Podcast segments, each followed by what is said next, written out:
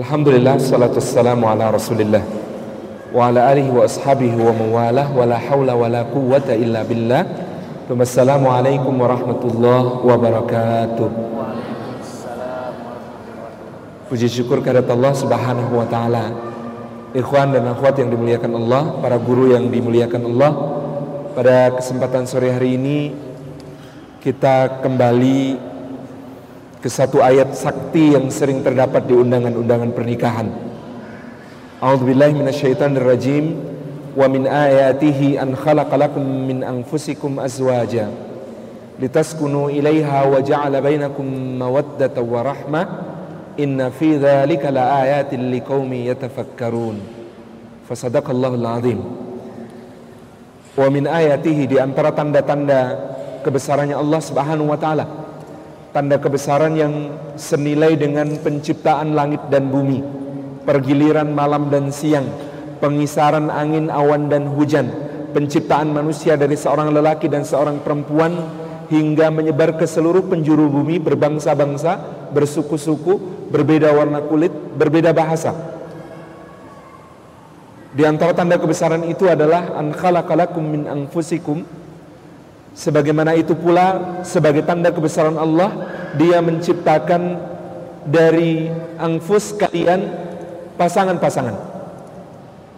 Maka syarat dari seorang yang hendak merawat cintanya sampai ke surga adalah Menghormati pernikahan sebagai sebuah tanda kebesaran Allah Seperti dia menghormati penciptaan langit dan bumi Pergiliran malam dan siang pengisaran angin, awan dan hujan sampai penciptaan manusia berbangsa, bersuku, berbeda warna kulit dan bahasa itu.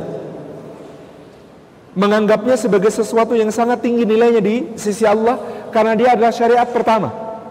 Adam dan Hawa di surga itu belum mengadakan akad muamalah seperti jual beli, hutang piutang, pinjam meminjam, apalagi mudharabah, musyarakah gitu ya yang diajarkan di kampus ini tetapi mereka diberi akad oleh Allah dengan akad pernikahan. Maka ini adalah akad pertama dalam sejarah kehambaan manusia. Dan Allah menjadikan pernikahan itu sebagai salah satu jalan untuk memelihara manusia dengan syariatnya ini. Maka situ syariah ad-daruriyah yang dirumuskan al-imam yang ketiga adalah hifdun nasl, menjaga keturunan manusia, kualitasnya, kuantitasnya, supaya peri kehidupan manusia semakin baik dan bermakna. Wahana yang disediakan Allah adalah nikah. Bagi para nabi dan para rasul dia adalah sunnah. Yang siapa yang benci kepada sunnah ini, maka Muhammad Sallallahu Alaihi Wasallam menjadikannya sebagai batas bahwa yang benci tidak termasuk bagian dari umatnya. Inilah keagungan pernikahan itu yang juga oleh seorang dai agung dari Mesir Hasan al-Banna dijadikan sebagai salah satu langkah mengembalikan kejayaan Islam. Kita ini pertama-tama harus melakukan islahun nafas memperbaiki pribadi-pribadi, lelaki-lelaki salih, wanita-wanita salihah, lalu mereka harus dipertemukan dalam institusi peradaban yang paling kecil yang bernama keluarga melalui apa? Akad nikah. Di situ dia menghalalkan sesuatu yang haram dengan apa yang diturunkan Allah, syariat Allah, nama ya Allah Subhanahu wa taala, lalu melaksanakan berbagai hal di dalam kehidupan rumah tangga itu dari berbagai macam tasyri' yang diberikan Allah dalam Al-Qur'an. Oleh karena itulah Nabi sallallahu alaihi wasallam menyebut pernikahan sebagai nisfuddin, separuh agama. Kenapa separuh agama? Sebab sebagian besar dari aturan-aturan di dalam agama kita hanya bisa dilakukan oleh orang yang sudah berkeluarga. Dan sebab ia adalah bagian dari keyakinan kepada Allah ketika Allah mengatakan iyakunu fuqara min fadli. Kalau seorang itu berada dalam kefakiran, maka sungguh Allah yang memberikan kecukupan dengan karunia-Nya melalui pernikahan yang kemudian dia niatkan sebagai ibadah kepada Allah. Jadi satu pernikahan ini menjadi merawat cinta sampai ke surga kalau kita menghormatinya. memuliakannya.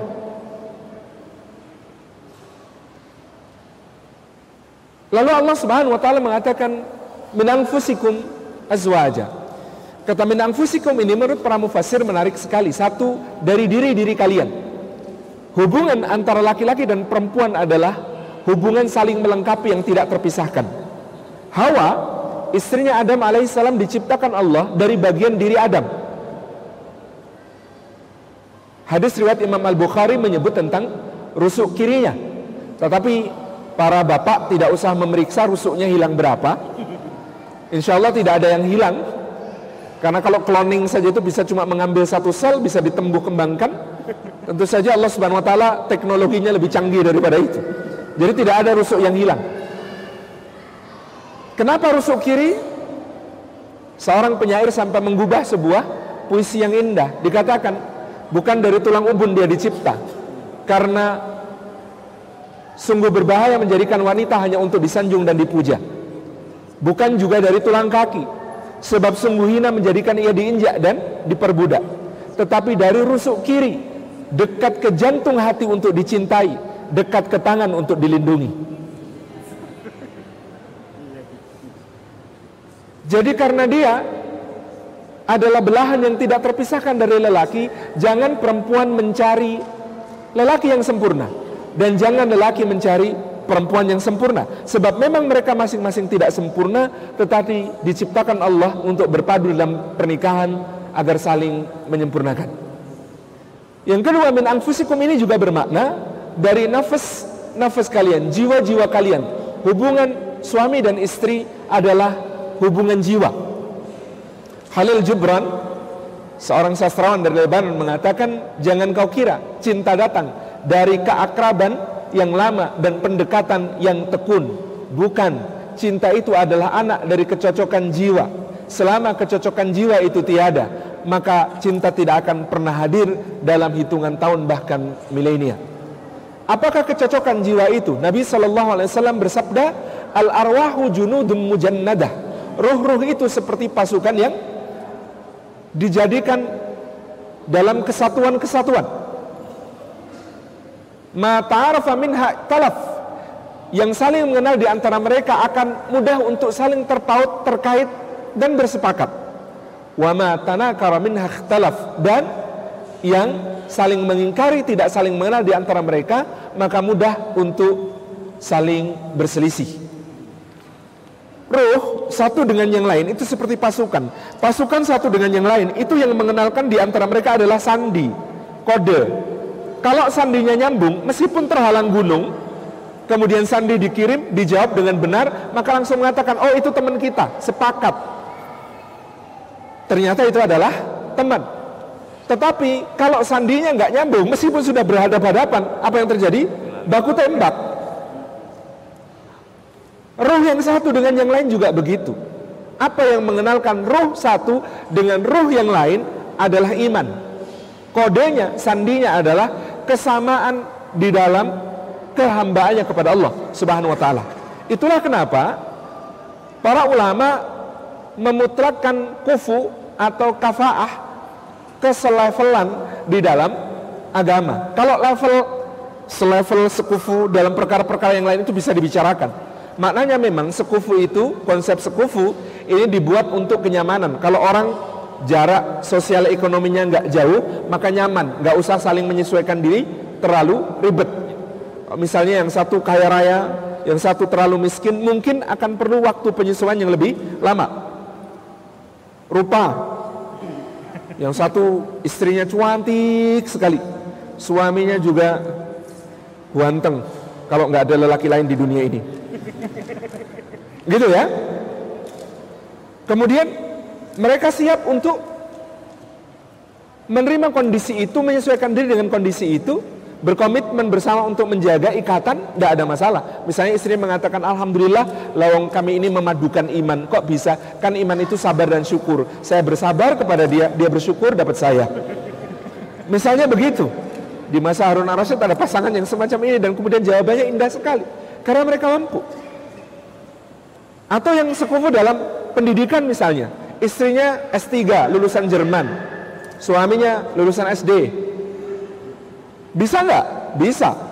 Kalau kemudian mau saling mengerti, mau menyesuaikan. Suaminya mungkin bilang sama istrinya, Dek, kamu kalau ngomong sama aku pelan-pelan ya dek, soalnya aku ini loadingnya suka lama. Istrinya juga kemudian jangan sangat memahami mengatakan tenang mas nggak apa-apa lawang saya ini cuma S3 kalah sama Samsung sudah S7 malah ada yang meledak segala Subhanallah gitu ya kalau kemudian saling menyesuaikan mampu maka sekufu dalam hal ini tidak mutlak. Nggak sekufu nggak apa-apa. Yang penting ada komitmen untuk menyesuaikan diri belajar bersama dan tetap menjaga ikatan. Yang dikhawatirkan kan kadang-kadang kenjomplangan itu disikapi dengan tidak tepat. Istrinya marah kepada suami lalu terlontar kata-kata misalnya Allah mas mas kamu kalau nggak dipelihara keluarga aku udah di kolong jembatan mas gitu. Misalnya begitu. Yang dihindarkan kan yang seperti ini. Maka yang dimutlakan adalah sekufu dalam din dalam agama karena agama itu cara memandang hidup, cara memandang mati, cara memandang hidup sesudah mati, cara memandang pencipta hidup dan mati, cara memandang yang hidup dan yang mati. Maka dari itu dia seharusnya menjadi prioritas ketika seseorang mempertimbangkan pasangan.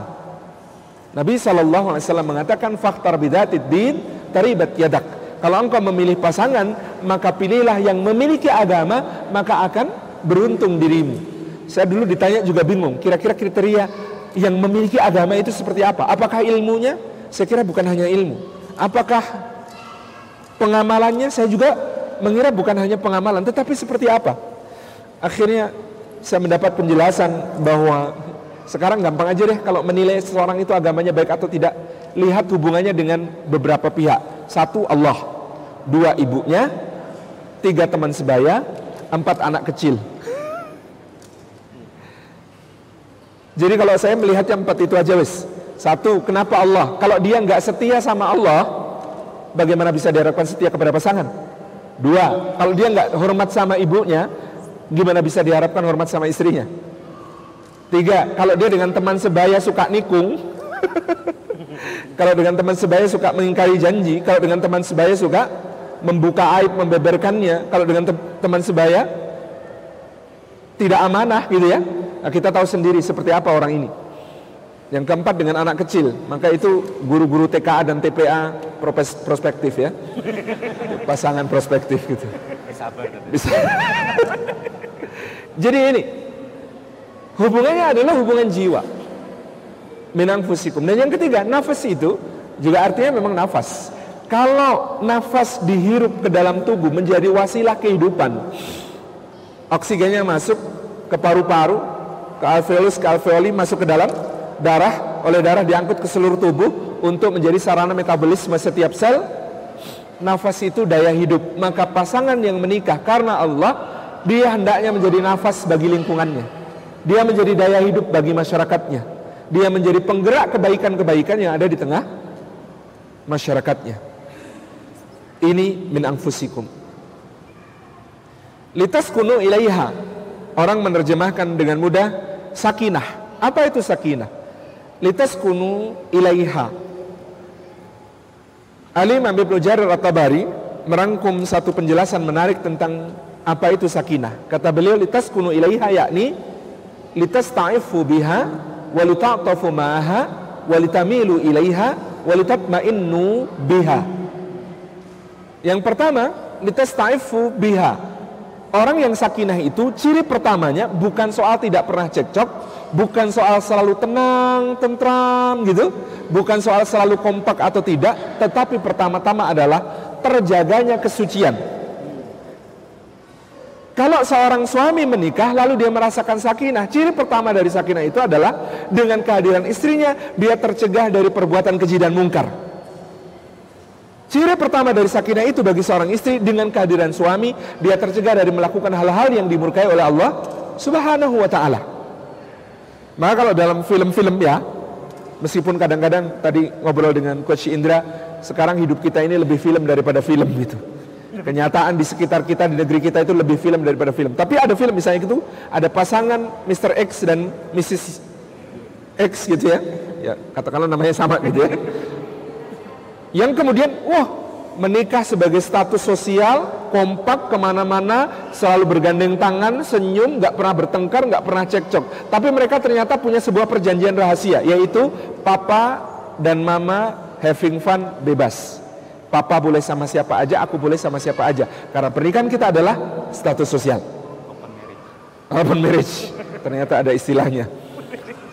Hashtagnya baru tahu.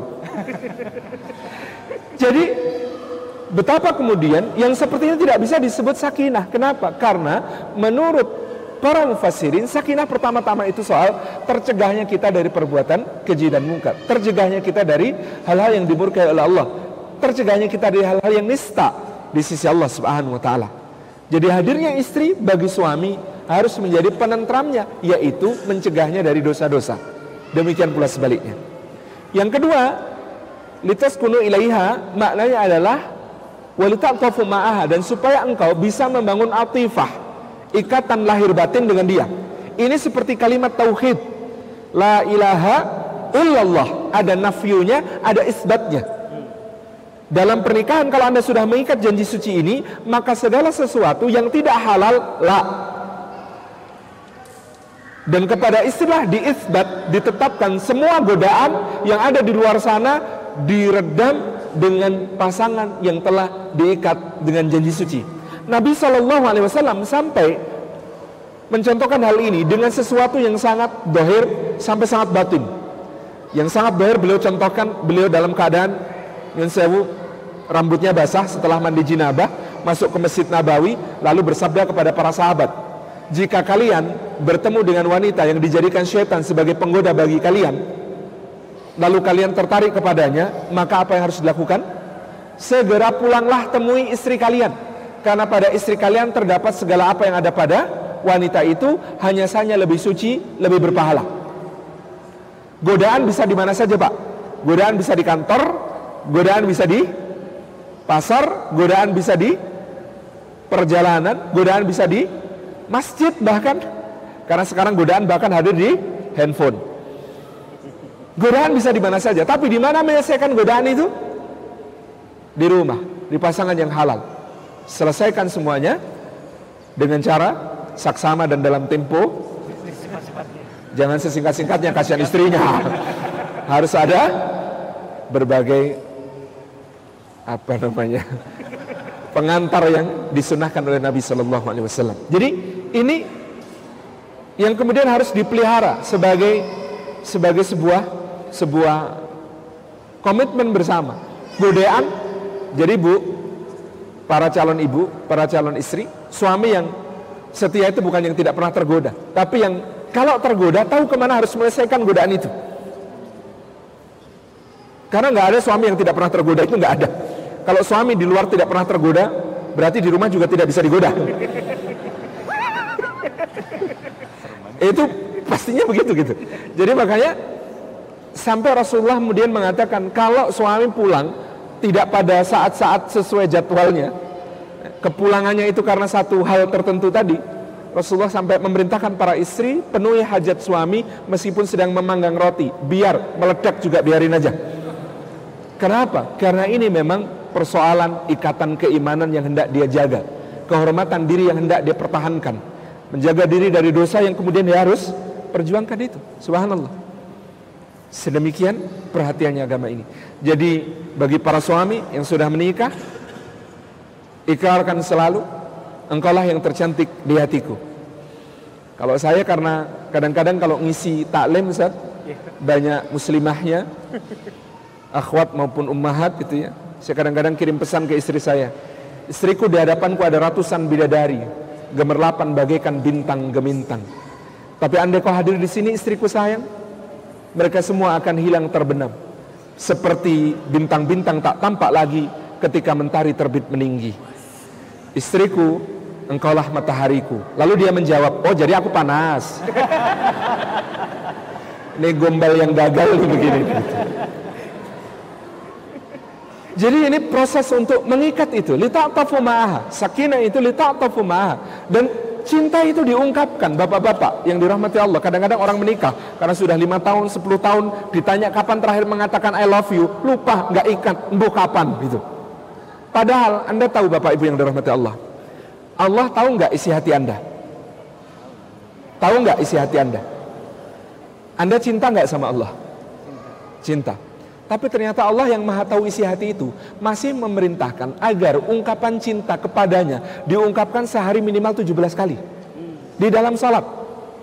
Kata Ibnu Qayyim Al-Jauziyah, Alhamdulillahi Rabbil Alamin ungkapan cinta, Ar-Rahmanir Rahim ungkapan harap, Malik Yaumiddin ungkapan takut. Dengan ketiganya sempurna kehambaan kita. Iya kan? Nah, kalau Allah yang maha tahu saja sehari semalam masih memerintahkan kita mengungkapkan cinta itu 17 kali, maka suami kepada istri, istrinya itu tidak maha tahu loh. Karena kita ini sudah terkena sindrom yang tadi saya sampaikan ke beliau, harusnya dia kan tahu. Jadi kalimat harusnya dia kan tahu ini kalimat yang tidak produktif di dalam pernikahan, kalimat yang merusak. Kalau Anda menginginkan dia tahu, beritahu dia. Ungkapkan. Saya membaca kisah pernikahan para salafus saleh itu kadang takjub.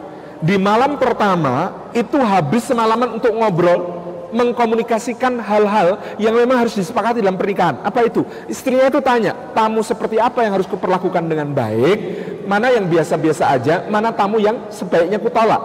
Temanmu mana yang harus kuperlakukan dengan jamuan yang terbaik, mana yang tengah-tengah, mana yang kemudian engkau tidak suka kalau aku kemudian memberikan apa namanya eh, penghormatan kepada dia. Kalau aku sedang marah, apa yang harus kau lakukan? Kalau engkau sedang marah, apa yang harus kulakukan? Ini dibahas pak. Ini salafus saleh, para ulama. Abu Sulaiman Ad-Darani gitu ya. Sampai kemudian juga e, diceritakan tentang Al-Imam e, Tajuddin As-Subaki. Itu begitu malam pernikahan itu yang dibahas apa yang kemudian menjadi hal yang dikehendaki pasangan dari dirinya. Ini agar tidak terjebak pada tadi perasaan harusnya dia tahu. Enggak, Pak. 17 kali sehari mengungkapkan cinta kepada Allah minimal. Kalau kepada istri Masya Allah. Yang ketiga, walitamilu ilaiha. Yang namanya sakinah itu dia cenderung cenderung memikirkan, merasakan sesuai dengan apa yang kemudian ada pada istrinya, keluarganya. Dulu waktu bujang pak ada makanan enak, pengen makan, uangnya ada, kebeli, dibeli. Sekarang kalau lihat makanan enak sebagai suami yang terpikir pertama adalah yang di rumah makan apa ya? Dulu pak ada gadget baru keluar, handphone baru keluar, kamera baru keluar, baru keluar. Kepingin uangnya ada kebeli, dibeli. Itu kalau masih bujang. Kalau sudah menikah, sebentar istri semarin yang perlu dibudgetkan dulu apa ya? Harus diasah terus yang seperti itu. Anda tidak lagi hidup sendiri. Anda hidup sebagai seorang kepala keluarga, sebagai seorang suami yang harus kemudian litamilu ilaiha. Terus menerus muyul Anda, kecenderungan Anda kepada pasangan.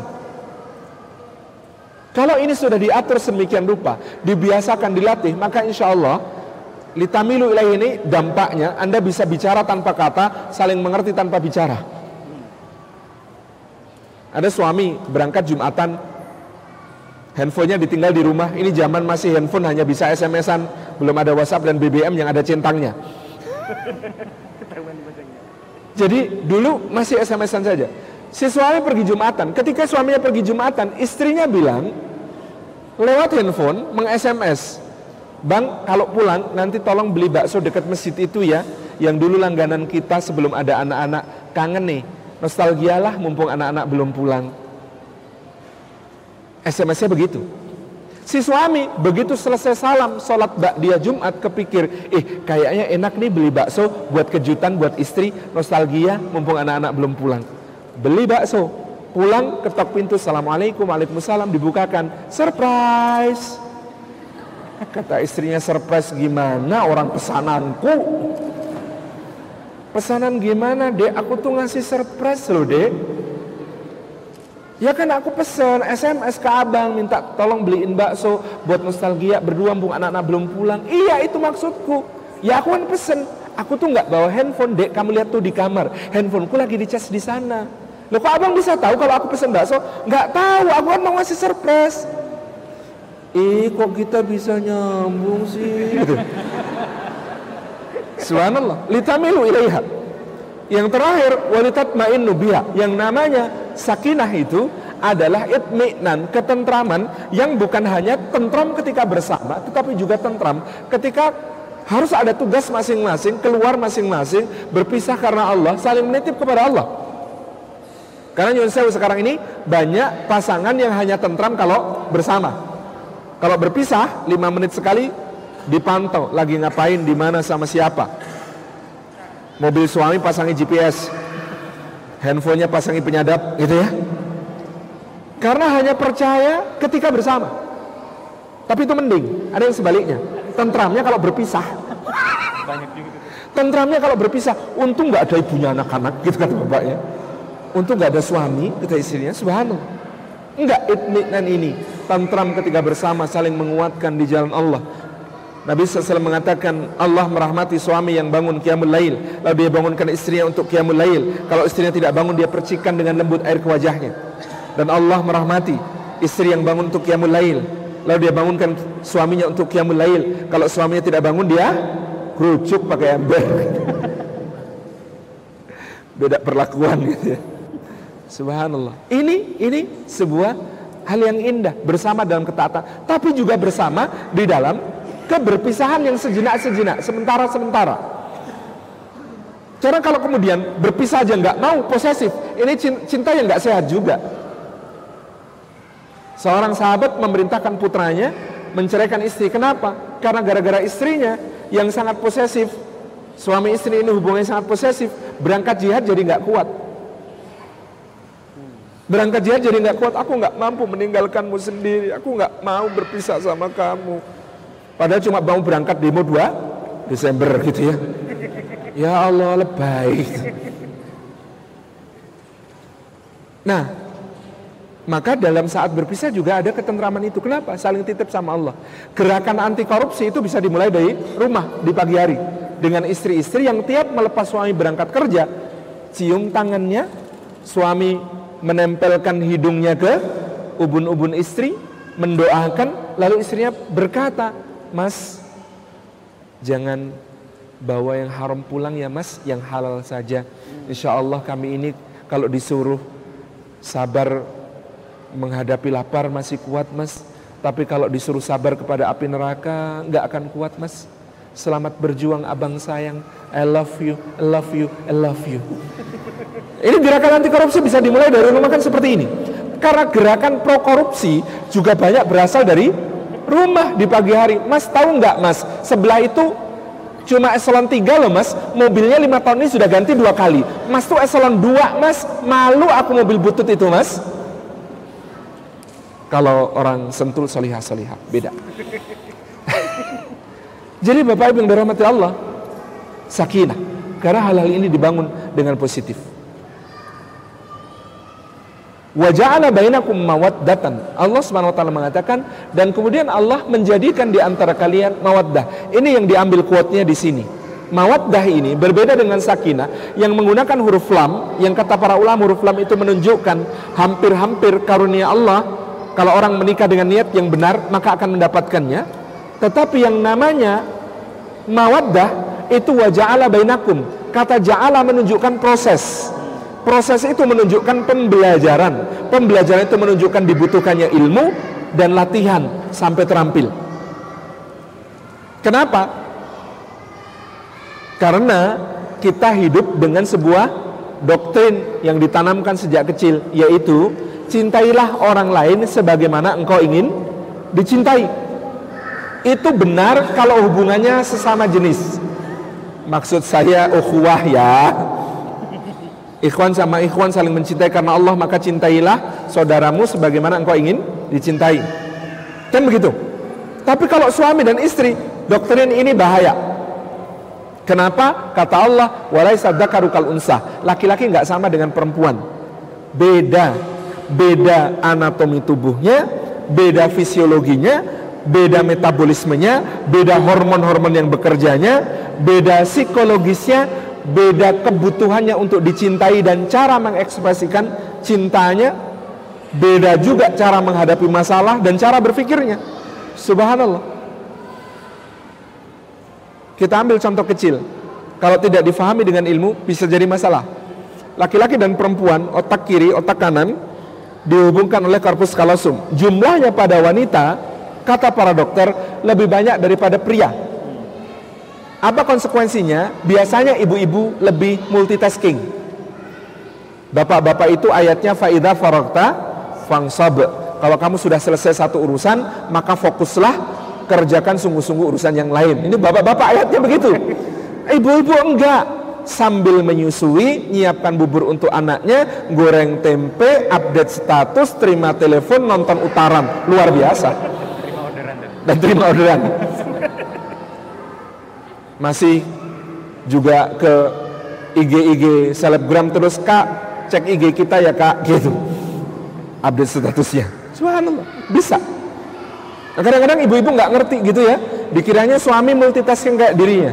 Lalu ngomong begini, Mas, nanti habis asar mau ada pengajian di rumah, itu tolong kursi dan meja digeser ke pinggir, terus digelarin karpet. Oh iya astagfirullah mas, karpet kita sudah jelek semua, pinjem ke Pak RT aja ya mas. Kamu udah tahu kan rumah Pak RT yang baru, itu yang dekatnya Bu Joyo. Nah nanti sekalian ke Bu Joyo karena aku pesan lemper di Bu Joyo, itu 100 buah. Nah nanti jangan mau kalau ditambah-tambahin Bu Joyo suka gitu, suka nambah-nambahin. Nah harganya uangnya itu, aduh astagfirullah mas, aku kehabisan cash. Nanti kamu ambil di ATM aja ya. Terus kamu dan sekalian di ATM itu kan ini mas aku bikin minuman teh yang panas. Cuman jumbo kita itu sudah rusak mas. Nggak bisa nahan panas lama. Pinjam ke tempat ibu ya mas ya. Kamu mampir rumah ibu sekalian. Tapi minta yang hijau mas jangan yang pink. Terus seterusnya panjang sekali gitu ya? Suaminya begini. Apa dek? Tadi dek. Di karpet ibu Joyo. Jadi kesimpulannya beli karpet di Bu Joyo kata Pak ini jadi subhanallah kadang-kadang nggak sadar kalau begitu. Cara berpikirnya juga jadi berbeda Bapak-bapak itu cara berpikirnya, obat nyamuk muter ke dalam pak. Fokus, sederhanakan, cari solusinya. Jadi kalau rapat kata-kata bapak-bapak itu adalah sebentar, itu kita sederhanakan dulu ya masalahnya. Kita fokus. Oke kalau fokus kata nanti segera bisa kita segera temukan solusinya. Itu bapak-bapak. Kata ibu-ibu, ibu-ibu itu obat nyamuk muter keluar pak. Dihubungkan dengan berbagai macam hal korelatif cara berpikirnya. Maka kata ibu-ibu, jangan menyederhanakan masalah mas, dengarkan dulu penjelasanku. Semua ada hubungannya loh. Kan nggak nyambung. Subhanallah, maka ada suami yang mengeluh, Ustaz, suami saya kalau, eh suami saya, istri saya kalau marah, historis Ustaz. Kok historis? Histeris maksudnya, bukan historis maksudnya. Lah kalau dia marah atas kesalahan saya pada saat itu, dia bisa menyebutkan kesalahan saya sejak awal pernikahan. Lengkap. Mas kamu tuh dari dulu memang gitu. Ingat gak waktu itu? Subhanallah. Beda cara berpikirnya. Mengatasi masalahnya juga berbeda. Laki-laki ketika dihadapkan pada tekanan berat, apa yang dilakukan? Menyendiri, berkontemplasi, merumuskan solusi. Ibu-ibu apa yang dilakukan ketika ada masalah? mencurahkan isi hati, meminta dimengerti, difahami, dan kalau sudah seperti itu, 90% masalah selesai. Solusi itu bagian kecil, yang lebih besar adalah proses bahwa dia mengerti apa yang ada terjadi, dia memahami, dia kemudian berada di sisi kita. Gitu kan? Tambah kadang-kadang ada menangisnya gitu. Maka suami yang nggak ngerti ilmu tentang pernikahan, ilmu tentang cinta akan mengatakan, buat apa nangis? Nangis itu nggak menyelesaikan masalah. Loh siapa yang mau cari selesai masalah? Memang cuma mau nangis kok. Ya, itu. Subhanallah, beda pak. Maka ada suami pulang kantor, tasnya dilempar, tubuhnya diempaskan ke sofa, kepalanya begini. Kan pasti ada masalah. Istrinya tanya, duduk di sampingnya, Mas ada masalah apa? Dan jawaban semua suami di dunia sama pak. Nggak kodik, nggak ada apa-apa. Istrinya kan ngejar, Mas, aku kalau ada masalah kan juga cerita sama kamu. Masa kamu nggak mau cerita sama aku? Istrinya bermaksud baik, dia kalau ada masalah curhat. Dia harap suaminya juga mau curhat sama dia, kan gitu. Biar enteng gitu. Suaminya juga bermaksud baik, apa maksud baik suami? Istri saya sudah banyak masalahnya. Kalau saya ceritain masalah kantor, nambahin beban pikiran dia, kasihan. Enggak kok, deh ini enggak usah kamu tahu, ini masalah kantor biar aku aja yang mikirin. Maksudnya baik kan? Istrinya mengatakan apa? Jadi kamu nggak percaya mas sama aku. Bagi suami nggak cerita itu karena nggak ingin menambah beban istrinya. Bagi istri nggak cerita berarti nggak percaya. Masalah kan? Karena nggak ada ilmunya. Itu. Ibu-ibu ngeluh lagi. Saya itu merasa nggak dimengerti, nggak difahami. Karena suami kurang di dalam mendengarkan, menyimak. Kan ceritanya istri kadang-kadang memang membuat kita ingin segera lompat ke solusi gitu. Aku capek banget mas hari ini ya Allah cucian numpuk piring gelas kotor semua tamu berdatangan nggak selesai-selesai anak-anak rewel pada sakit tetangga juga rese nggak tahu hari ini kenapa aku capek mas capek gitu suaminya sambil tetap pegang handphone atau pegang koran jam to conclusion oh istri saya susah yang ngurusin rumah lalu dia tawarkan solusi sabar ya dek bulan depan insya Allah kita cari pembantu Solutif Pak. Kalau istri kesulitan ngurusin rumah carikan pembantu. Yes, kata istri, jadi pengorbananku selama ini kau anggap tidak lebih dari kerjaan seorang pembantu. Tega kamu. Nyambung. Subhanallah.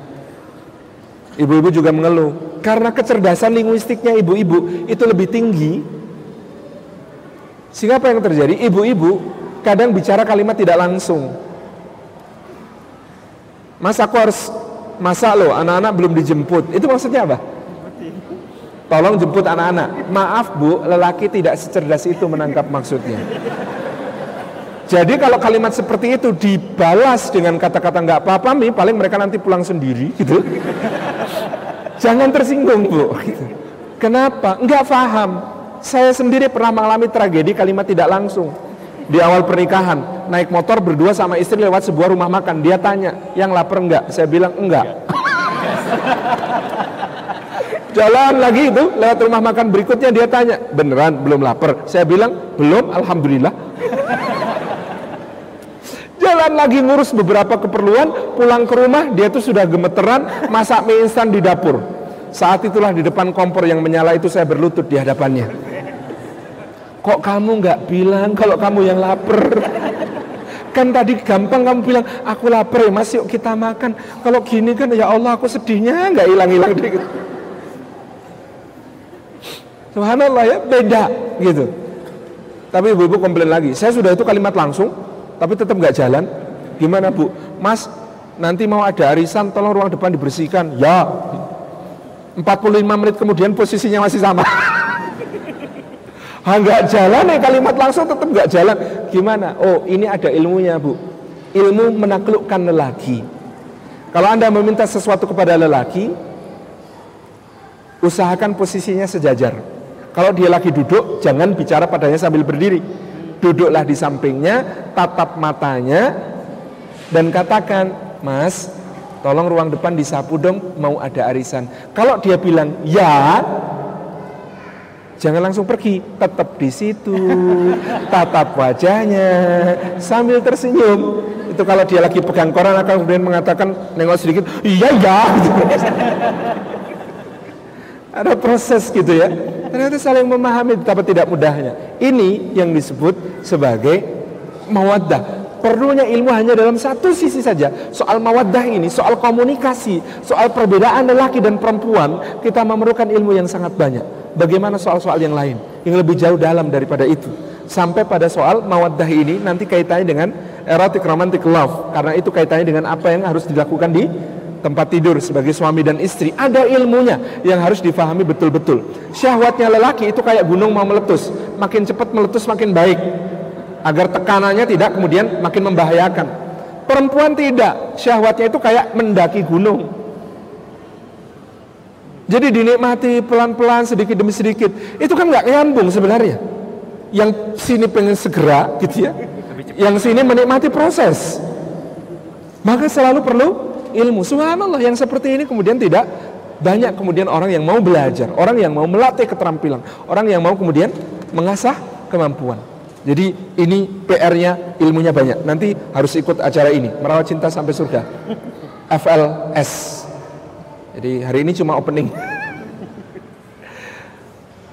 Warahmah dan terakhir adalah rahmah. Rahmah itu apa? Cinta yang hanya memberi tak harap kembali bagi sang surya menyinari dunia. Karena rahmah ini memahami sebelum dijelaskan. Mencoba untuk mengerti dan memberikan permakluman meskipun dia tidak harus memaafkan terlebih dahulu sebelum diminta rahmah dan kemudian menyajikan diri yang terbaik kepada kepada pasangan. Bapak-bapak mohon maaf upayakan menjadi bapak-bapak yang pulang dalam keadaan lebih baik daripada ketika pergi. Berangkat ke kantor rapi enggak? Kalau pulang? Enggak, saya ini tahun 2005 bikin survei persepsi anak pegiat dakwah terhadap aktivitas orang tuanya. Shocknya 30% mengatakan saya gede nanti nggak mau jadi kayak Abi dan Umi. Nggak mau jadi kayak Abah dan Umi. Mau jadi orang biasa-biasa aja. Why? Karena Abi dan Umi sibuk. Kalau pulang udah nggak sempet nemenin aku main, nemenin aku ngerjakan PR. Jadi anda bayangkan, yang salah bukan dakwahnya, yang salah sikap ketika pulang. Ada orang pulang, anaknya menyambut, Abi, bapaknya, habis capek, nah, habis ngisi tiga pengajian, kamu main sama kakakmu sana ya, gitu. Persepsi anak terhadap pengajian akan sangat negatif. Bandingkan dengan Nabi Shallallahu Alaihi Wasallam. Ada sunnah yang kita lupakan. Nabi itu kalau pulang dari jihad itu tidak langsung masuk kota Madinah. Beliau memerintahkan para sahabat apa? Ngecamp dulu di luar kota Madinah semalam. Untuk apa? Mandi, Pak. Pulang jihad itu mandi harus bersih, pakai pakaian terbaik, pakai wangian, pangkas yang perlu dipangkas, cukur yang perlu dicukur. Lalu kurim utusan ke Madinah supaya para istri juga tahu suaminya mau pulang. Itu kalimatnya vulgar, Pak. Kata Nabi SAW agar para istri yang akan menyambut kepulangan suaminya sempat mencukur rambut kemaluannya. Sampai seperti itu. Jadi bagaimana kemudian dipersiapkan pulang ini sebagai momen istimewa. Jadikan pulang Anda itu sebagai momen istimewa. Jadi istri juga menyiapkan masakan terbaik yang paling disukai suami, rumah bersih gitu ya. Pakaian istri juga rapi kalau perlu gaun pengantin dipakai lagi. Kalau masih cukup dan dulu tidak nyewa gitu ya. Dalam keadaan seperti itu pulang itu 100% persepsi keluarga anak-anak terhadap jihad itu positif. Kenapa? karena mereka melihat bapaknya pulang fresh, seger bahkan lebih ganteng daripada berangkatnya. Dan masih kuat untuk dijadikan apa? dijadikan kuda-kudaan. Nabi SAW itu pulang dari jihad langsung disuruh merangkak sama Hasan Hussein dinaikin ke punggungnya diajak keliling ruangan. Abu Hurairah sampai mengatakan Ya Rabbi nak itu tungganganmu tunggangan paling mulia di seluruh langit dan bumi. Yo yo kanjeng Nabi yo gitu. Terus kemudian Nabi SAW masih menyaut dan penunggangnya adalah pemuda-pemuda penghuni uh, penghulu penghuni surga. Subhanallah. Sampai keadaan demikian. Hari ini Pak ngisi pengajian di mana-mana tentang anak-anak itu semua keluhan orang tua adalah anak-anak kita lebih akrab dengan gadget, lebih kecanduan berbagai macam permainan di handphone dan lain sebagainya daripada kelekatan dengan orang tuanya. Oh, itu sebenarnya karena satu hal saja. Orang tuanya sudah mulai kalah asyik ketika disentuh-sentuh dan dipencet-pencet daripada gadget. Les untuk tentang rahmah ini, saya itu sampai kemudian harus menciptakan beberapa, mengkreasi beberapa alat permainan yang bisa dibuat dari tubuh saya untuk anak saya. Jadi sejak Hilma kecil dulu, kemudian saya tawarkan, nak ayunan nak, ayunan. Ayunan itu begini. Dia duduk di sini sampai capek. Bagus untuk latihan otot bicep dan tricep. Kemudian dia nanti bilang, bah jungkat jungkit. Jungkat jungkit itu kaki selonjor di kursi, dia duduk di ujung, di ujung kaki, angkat turunkan, angkat turunkan. Bagus untuk otot perut.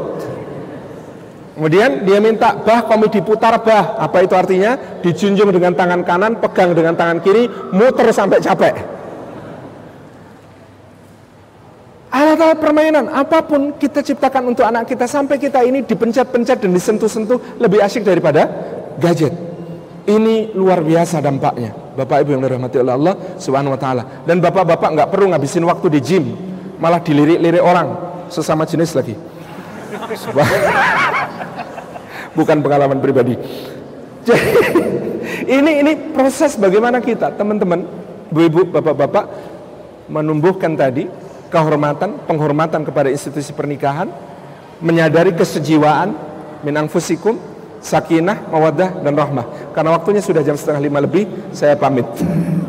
Mudah-mudahan lain waktu bisa kita sambung. Ingin sekali menyimak ilmu dari Coach Indra, tapi mudah-mudahan saya simak nanti cari di YouTube ataupun artikel-artikel tulisan beliau di Google, insya Allah.